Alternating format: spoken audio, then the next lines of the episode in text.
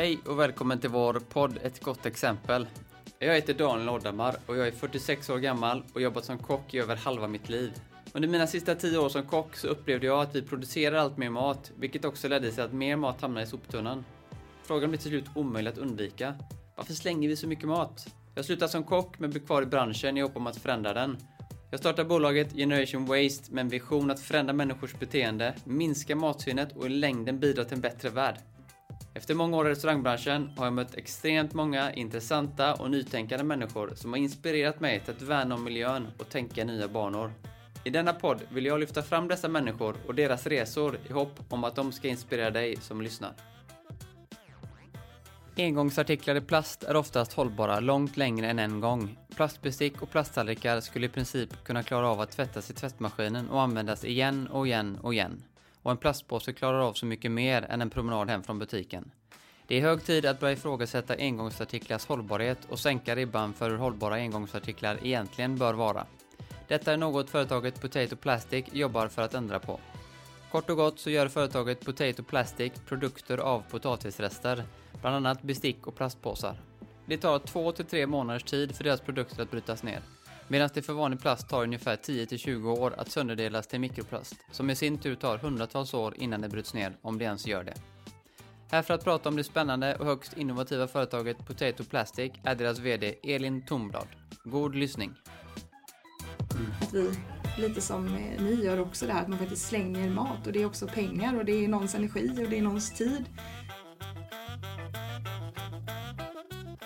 Vi välkomnar Elin Tomblad till podcasten Ett gott exempel som är medgrundare och VD för det fantastiska företaget eh, Potato Plastic. Tack, vad Välkommen kul. hit. Tack, vad kul att få vara här. Ja, härligt. Mm. Hur är läget med dig? Det, har du haft en bra sommar? Jag har haft en underbar sommar faktiskt. Det har varit, eh, gud det känns så svenskt att börja prata om hur varmt och skönt det har varit men det har varit jättehärligt eh, att få vara ledig och hänga med mina vänner och samla ny energi för hösten. Det har varit jättehärligt. Härligt. Verkligen. Är du uppväxt här i Göteborg eller är du från eh, utanför stan? Jag är från en liten stad som heter Jo, Jo, ja. yes. om du känner till Jo. Jajamensan. Ja. Eh, Så där är jag uppvuxen på Ja. en eh, gård mitt ute på landet tillsammans med fyra äldre bröder. Ja, spännande. Och föräldrar och allt sånt också. Men. Ja. Men det är djur och alltså djurhållning och alltså självförsörjande bönder helt enkelt. Ja, i princip. Mina föräldrar har haft eh, vad ska man säga, vanliga eh, dagjobb också. Men vi har ända sedan vi var små så har vi varit med och odlat och djurhållning och verkligen det här tänket att det man odlar själv är det man sen använder. Mm. Eh, Så det är lite konstigt på ett sätt att bo i en sån här storstad där inte man har de möjligheterna alltid. Nej. För det är en väldigt viktig del, tycker jag, av vem jag är. Att, det, att man har den respekten för djur och natur. Mm. Jag tror att det är så många som inte ens vet om hur det funkar på en... eh, Vi som, jag har ju bott i stan i typ sista 20 åren. Men ens hur det funkar på en, eh, på en bondgård och liksom hela den processen och det slitet som är för att få fram... Så, vi tar sånt för givet idag bara. Ja men verkligen. Det är ju, jag har massa spännande frågor till dig. Mm. Men jag har läst att du har, eh, jag har, ehm, du har pluggat teatervetenskap. Ja, det Ja. stämmer. Vill du bli skådespelare? Det vill jag. Tyvärr var jag för dålig för det. Ja. Så eh, det blev inget med det. Men jag har alltid sedan jag var liten, vi, jag kommer från ett väldigt kreativt hem. eh, Med en mamma som är extremt kreativ som har alltid uppmuntrat sådana uttryck. Så då har det varit en dröm sedan jag var liten att jag på något sätt vill, att det är viktigt för mig att få vara kreativ med andra människor. Eh, Så då föddes den drömmen. Så då blev det så att jag flyttade till Stockholm och kom inte in på Teaterhögskolan givetvis. Utan tänkte då får man läsa bakvägen istället, läsa teatervetenskap. Ehm, Men det blev inte så mycket med det heller. Ehm, Och sen så började jag läsa mediekommunikation istället. Just för också jaga det här kreativa, att man vill vara kreativ tillsammans med andra. Jag hade en dröm om att jobba på byrå. Och så kände jag när jag hade tagit examen från mediekommunikation då med lite teater i bakgrunden och lite litteraturvetenskap och lite sådana andra Eh, ämnen så kände jag att jag inte var riktigt klar heller. Så då sökte jag till Chalmers entreprenörsskola för att läsa min master och tänkte ja, ja, det, det är ju sånt man kan söka. Man kommer inte in för de flesta är kanske ingenjörer eller ekonomer eller något sånt där. Men eh, så kom jag in och tänkte jag ja, ja. och återigen, då får jag väl göra det. Så jag har verkligen inte haft någon plan. Jag började med litteratur och teater men sen så har jag bara följt det som jag tyckte varit väldigt kul. Eh, och och eh, entreprenörsskolan var ett eh, väldigt bra beslut för det har varit eh, två helt fantastiska år.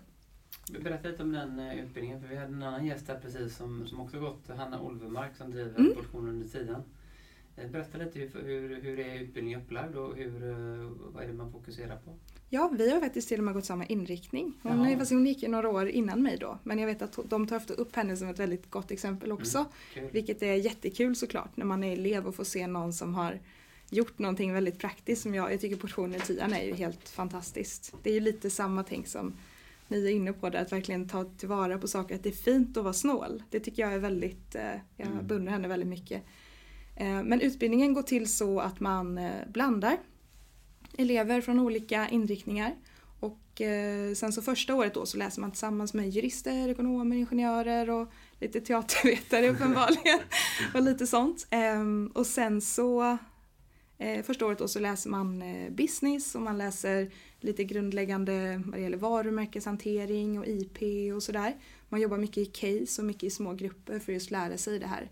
Att vara kreativa tillsammans men ändå jobba med vissa satta förutsättningar. Att det är ganska lätt att vara kreativ om man har alla resurser i världen eller om man har alla idéer i världen. Men om man har en idé och de här resurserna, vad gör man då? Mm. Eh, Och väldigt, tillsammans med väldigt engagerade lärare.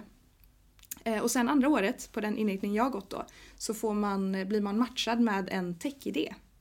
Som man sen får försöka att göra det bästa av. Helt enkelt. Och eh, det var så jag kom i kontakt med Potato Plastic. Är det slumpmässigt av vilka man kommer eller? Eh, Det är, man får motivera varför man vill ha just eh, den, Okej. den idén. Ja. Och eh, så fort jag hörde Potato Plastic så visste jag direkt att det här är det, ja, det, är Ja. det jag ville. Dels för att jag har en bakgrund inom kommunikation och marknadsföring och kände att, eh, alltså att man gick igång på det. Att det här hade man kunnat göra någonting kul av, någonting bra av. Sen så är det precis som allting annat att det verkar jätteenkelt från början. Och sen blir det mycket mer utmanande än vad man någonsin hade kunnat tro. Men också mycket, mycket roligare än vad man någonsin hade kunnat tro. Och eh, nu då, jag tog examen i juni, så jobbar jag ju eh, heltid med Potato Plastic. Och det trodde jag ju inte för ett år sedan, att det skulle bli så. Men det är också det som är så fantastiskt med entreprenörsskolan, att man får den möjligheten att faktiskt kunna utforska någonting under ett helt år utan att behöva ta ut lön eller behöva tänka på annat utan man faktiskt går i skolan och lär sig samtidigt. Mm.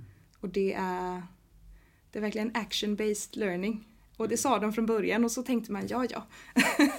Men det är verkligen det. Mm. Och eh, med fantastiskt stöd också från skolan givetvis. Och kunna få utforska alla idéer man har kring någonting och Mm. verkligen också vara kreativ. Vilket ju var vad jag ville från början.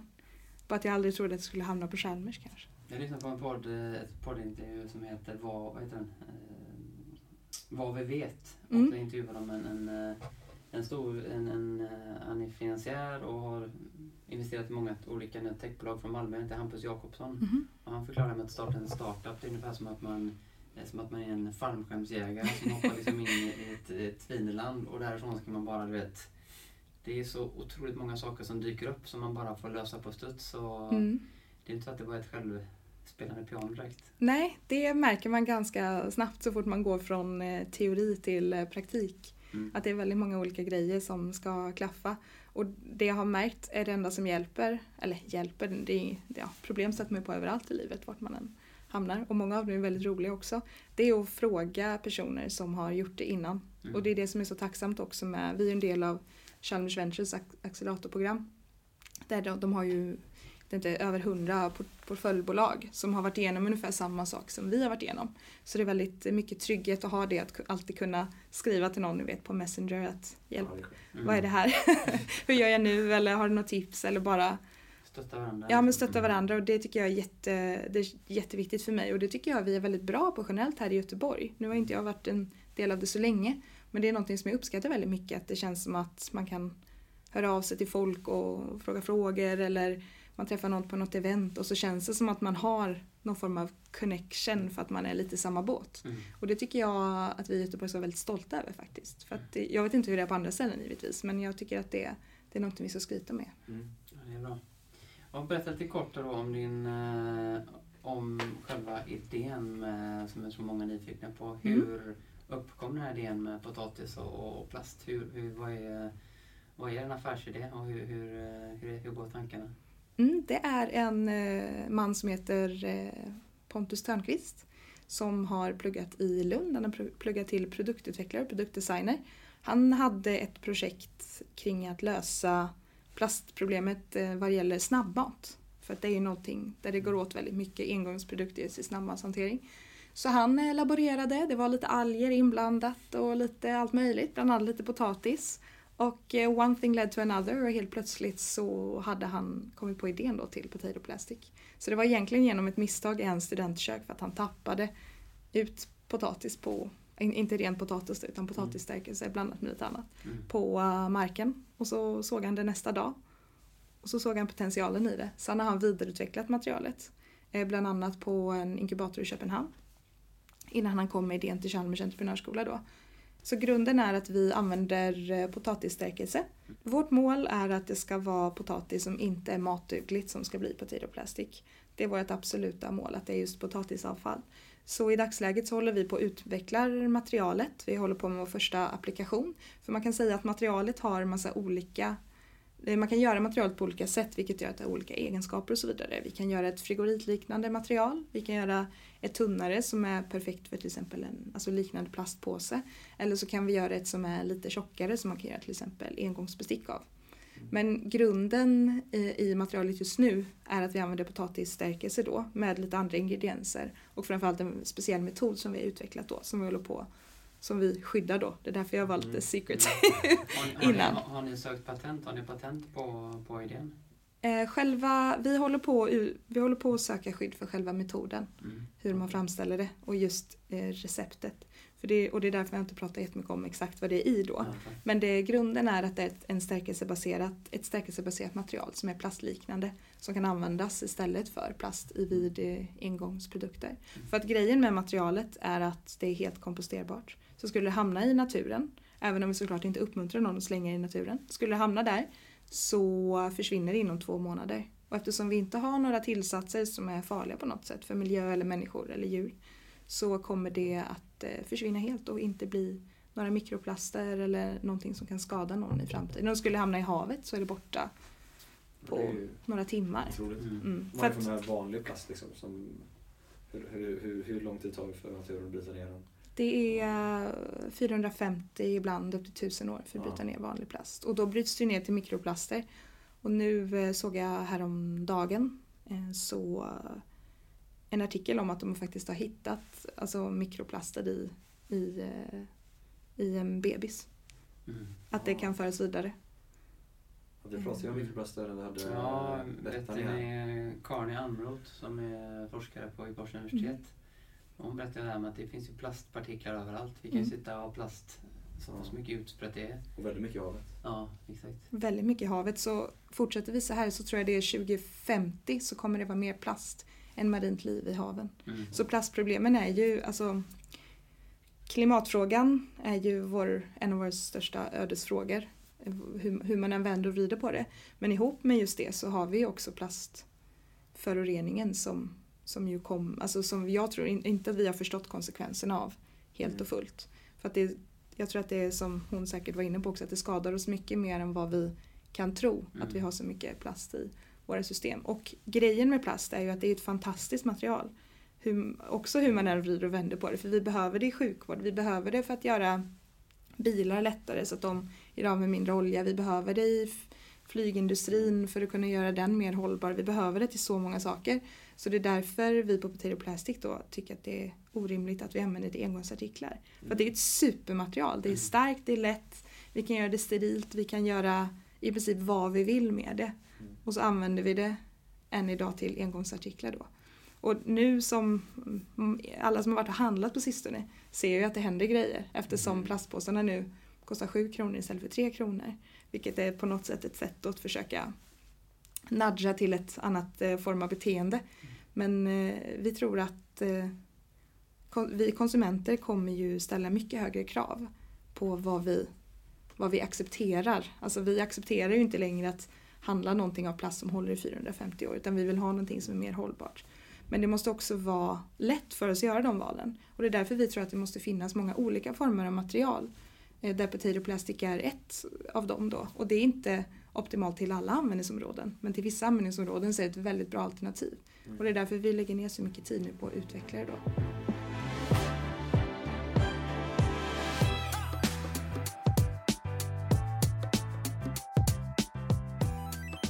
Ibland så känner jag att utvecklingen, ja, den bara snurrar på. Man kan bara gå till sitt eget hem. Jag använder plast och plastfilm Mm. och sådär liksom.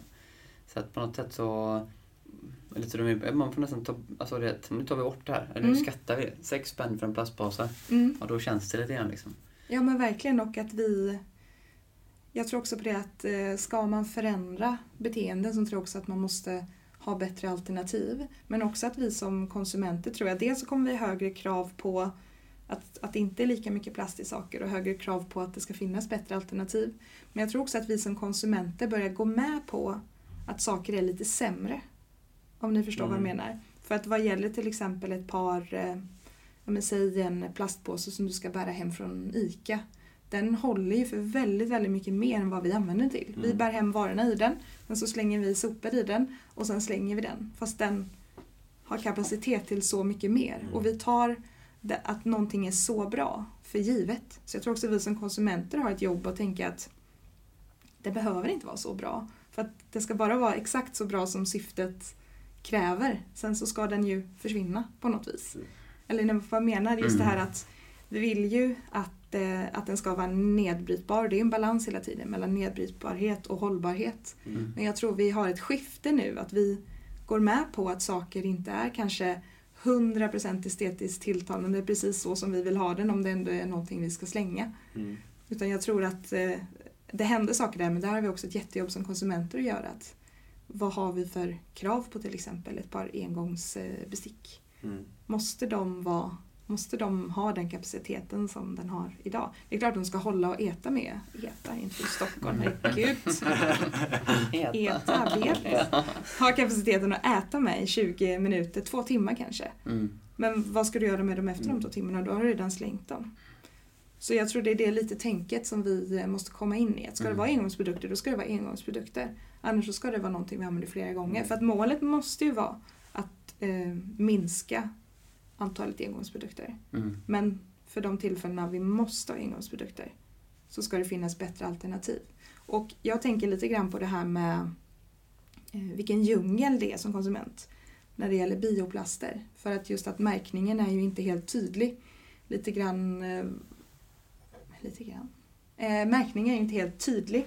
För att det behöver till exempel inte vara 100% bioplast i någonting för att det ska få heta bioplast. Det kan vara blandat. Mm. Det kan vara så att det står komposterbart men det är bara komposterbart i en industriell kompost. Hur ska du som konsument veta det? Det är ju väldigt svårt. Mm. Jag tycker det är svårt som ändå på något sätt har försökt indoktrinera mig själv här i plastbranschen. tycker jag är jättesvårt att ha koll på allting och hur ska man då som konsument kunna ha den kollen? Så där tror jag också man har en, en skyldighet på något sätt att det ska vara lättare att faktiskt göra bra val. För att vi, jag tror man vill välja rätt och man vill Mm. vad ska man säga, utan att det kostar för mycket för en själv som konsument så vill man ju göra bra val som också är bra för, för miljön. Men du, eh, ni har funnit massa fina priser. Mm. Ett pris som till och med jag, vi har sökt in till. Mhm. Ni vann ju ett pris som eh, ett, ett hållbarhetsstipendium för Göteborgs Energi. Mm. Det stämmer bra. Det är ju fantastiskt. Tack, det var väldigt kul. Ja. Jag blev uppmärksammad av Göteborg Energi just eftersom det är en så stor aktör här Ja. i Göteborg. Och det har ju gett oss eh, jättemycket. Det är det som gör att vi har kunnat utveckla materialet nu det här året Mm. och faktiskt eh, vara redo för vår första applikation eh, för materialet. Ni har ju produkter liksom som är... Jag har ju sett plastpåsar och ni har liksom tagit fram det antar jag? Mm. Ja. Vi har prototyper för Ja. väldigt många olika så, som vi kan ta fram då. Mm. Ehm, bland annat bestick, vi kan göra framförallt påsar, Mm. är det för det är tunnelmaterial som är vårt bästa material eh, i dagsläget. Och eh, där har vi gått förbi nu prototypstadiet kan man säga eh, och håller på att försöka mer göra en faktisk applikation till kund som vi kan använda. Och det kommer bli en påse för e-handel.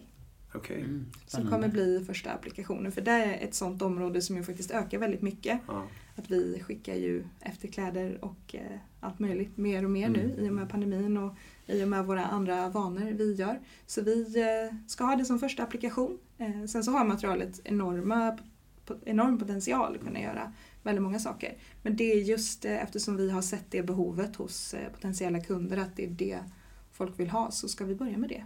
Mm. Så vi hoppas att kunna skicka ut eh, de första Potato Plastic Mailers nu Mm. eh, innan årets slut. Ja, coolt. Kul. Vad, hur mycket kan man kan du göra liksom? Hur mycket potatis finns det? Hur mycket vill du ha? ja, det finns mycket då. Jag, jag har en kompis som bor, han har bott jag har flyttat hem från Holland nu, de har bott här i tre år. Han berättade att i Holland äter de ju sjukt mycket friterad potatis. Ja. Nu när det var pandemi och man fick stänga ner så- mycket restauranger som under, under den här eh, lockdownen. Så var det ju sjukt mycket potatis som var ute på åkrarna som bara du vet, som Ja. ingen, du vet, det var ju massvis som bara låg och ruttnade och som man Mm. fick slänga. Eh, och jag tror inte att folk förstår, alltså massan liksom. Det är sådana stora jävla massor. Mm. Verkligen, och det är väldigt mycket potatis i Sverige. Vi bestämmer oss ha fel storlek, fel färg, fel allting så. Mm. Eh, som vi i dagsläget gör potatisstärkelse av. Mhm. Eller ja, inte vi då, men stora eh, fabriker gör potatisstärkelse av. Och sen används alltså säljs till restauranger och allt sånt Mm. där. Men vår förhoppning, eftersom vi tycker det här med cirkulariteten är otroligt viktigt. Framför, också väldigt mycket personligen, just med min bakgrund från att jag kommer från landet och verkligen har sett det. Sätter du ner en potatis så får du tio potatisar och sen hela det här hur mycket, lite det vi pratade om innan vi satte igång micken här, att hur svårt det är att faktiskt slänga mat du själv har odlat. Och jag tror det är viktigt att vi kommer närmare det. Mm. Att vi, lite som eh, ni gör också det här, att man faktiskt slänger mat och det är också pengar och det är någons energi och det är någons tid. Och det är lite där vi kommer in också, att vi vill ju se till att i slutändan att den potatisen vi använder är sånt som inte är matduglig. För jag tycker inte man ska använda mat för att tillverka engångsartiklar utan det ska vara sånt som vi inte Mm. kan äta, som vi kan göra engångsartiklar av. Mm. Så det är ju vårt mål att äga hela, inte äga men ha ko- kontroll på hela den kedjan just Mm. att potatisavfall som inte är matdugligt ska bli engångsartiklar när vi faktiskt behöver använda engångsartiklar. Även fast det övergripande målet alltid är att använda mindre så finns det tillfällen när det behövs. Mm. Till exempel om du ska skicka någonting som en första applikation så behöver du skicka det i någonting. Och då tror vi på att det här är ett bättre alternativ. Just för att då kan du kompostera den sen och så blir det näring i jorden. Ja. Kanske växer en till potatis. Ja. Jag kommer att tänka på en sak när du sa det. Ja. Eh, Och då får jag fråga kocken här. I restaurangkök eh, samlar man ihop fettet från stekboden Mm. och lägger i en tunna som en, eh, någon hämtar. Mm. Det stämmer va? Mm. Och det fettet används i... Eh, vad jag har hört är att man typ gör eh, Lypsyl, man Ja. gör eh, smink tror jag. Alltså Ja. det är ju rätt mycket fett. Framförallt om du jobbar mycket med, vad heter det, eh, det är mycket från fritöser. Ja, alltså det är många, många liter som landar. Också med stekbord och sånt så. Ja, precis. Sen Det är helst- också en slags cirkularitet. Alltså det är också cirkularitet. Ja, ja, det är Man ja. också ta vara på Ja, någonting som... kaffesump. eh, Våra kunder mäter ju inte kaffesump. Men som jag visar i våran, Mm. här på kontoret, vi mäter ju, kan man räkna ut hur mycket kaffesump kontra kaffeinköp kan man ju, jag tror det hälls väl ut var femte kopp eller någonting som vi brygger, hälls ju ut i Sjukt. vasken. Så att, eh, Och det har dessutom transporterats eh, hit Precis, då med ja. flyg eller båt. mm.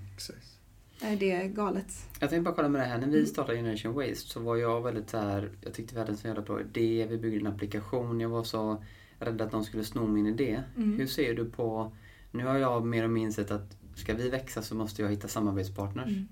Eh, hur ser du på den frågan? Att man, för du pratade lite om, nu har ni sökt patent och är en, ännu mer en Ja. affärshemlighet. Men Mm. hur, för att växa så måste man ju koppla på Mm. investerare eller hur, hur ser du på den frågan? Mm, jag tror precis som du väldigt mycket på att hjälpas åt. Och vi eh, pratar mycket med det som man hade kunnat kalla för våra konkurrenter då. Som har kanske liknande lösningar.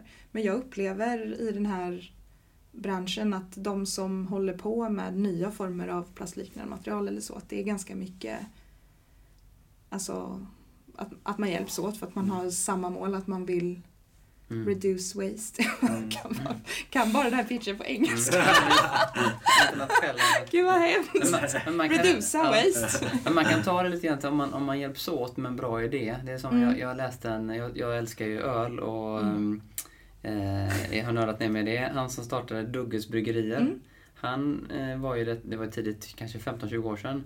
När han startade sitt mikrobryggeri så hjälpte han andra som startade mikrobryggeri. Men då Mm. sa han till dem så här, jag hjälper dig på ett villkor. Att nästa person som kommer och ska hjälp, som söker din hjälp, ska du hjälpa. Mm. Okej. Alltså, fint. och på så vis bygga liksom ett community. Ja. Och liksom, och nu har vi ju Göteborg är ju kanske världens, eller Sveriges bästa stad vad det gäller mikrobryggerier.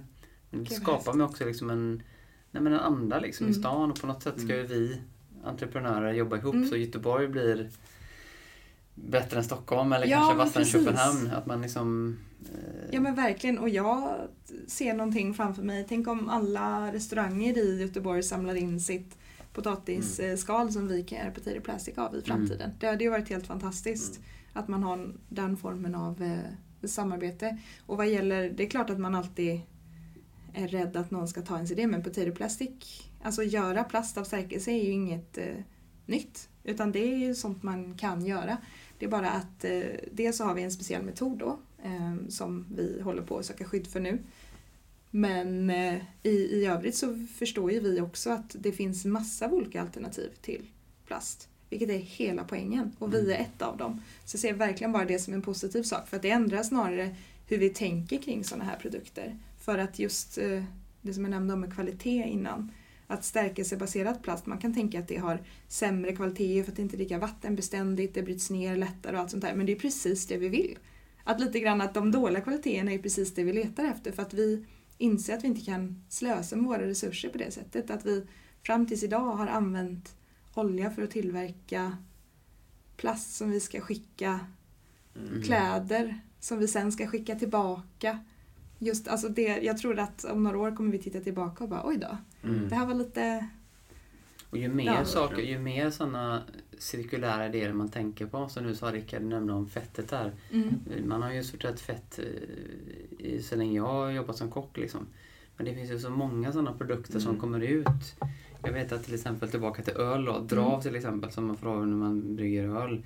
Det är ju enorma, de slänger tonvis. Vissa Mm. grisar kan få det liksom men det är ju en massa, kan de komma på ett, ett, en restprodukt av Mm. drav liksom så kan man ju eh, så det finns ju ja, det är häftigt med sådana spännande Det finns, idéer. det finns ju alltså möjligheter också om man tänker att om man ska chocka då och samla ihop sina rester från potatis.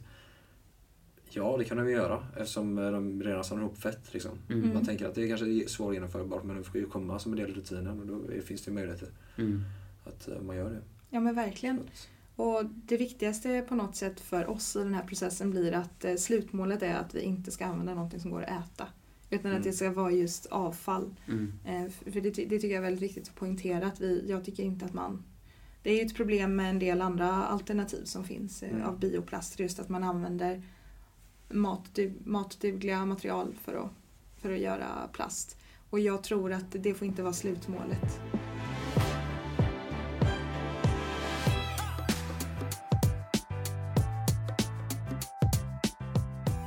Jag var på, jag köpte hamburgare på Max restauranger för Mm. några veckor sedan och tog med mig takeaway och då fick jag ju deras sugrör. Mm. De har börjat med någon form av nedbrytningsbar plast.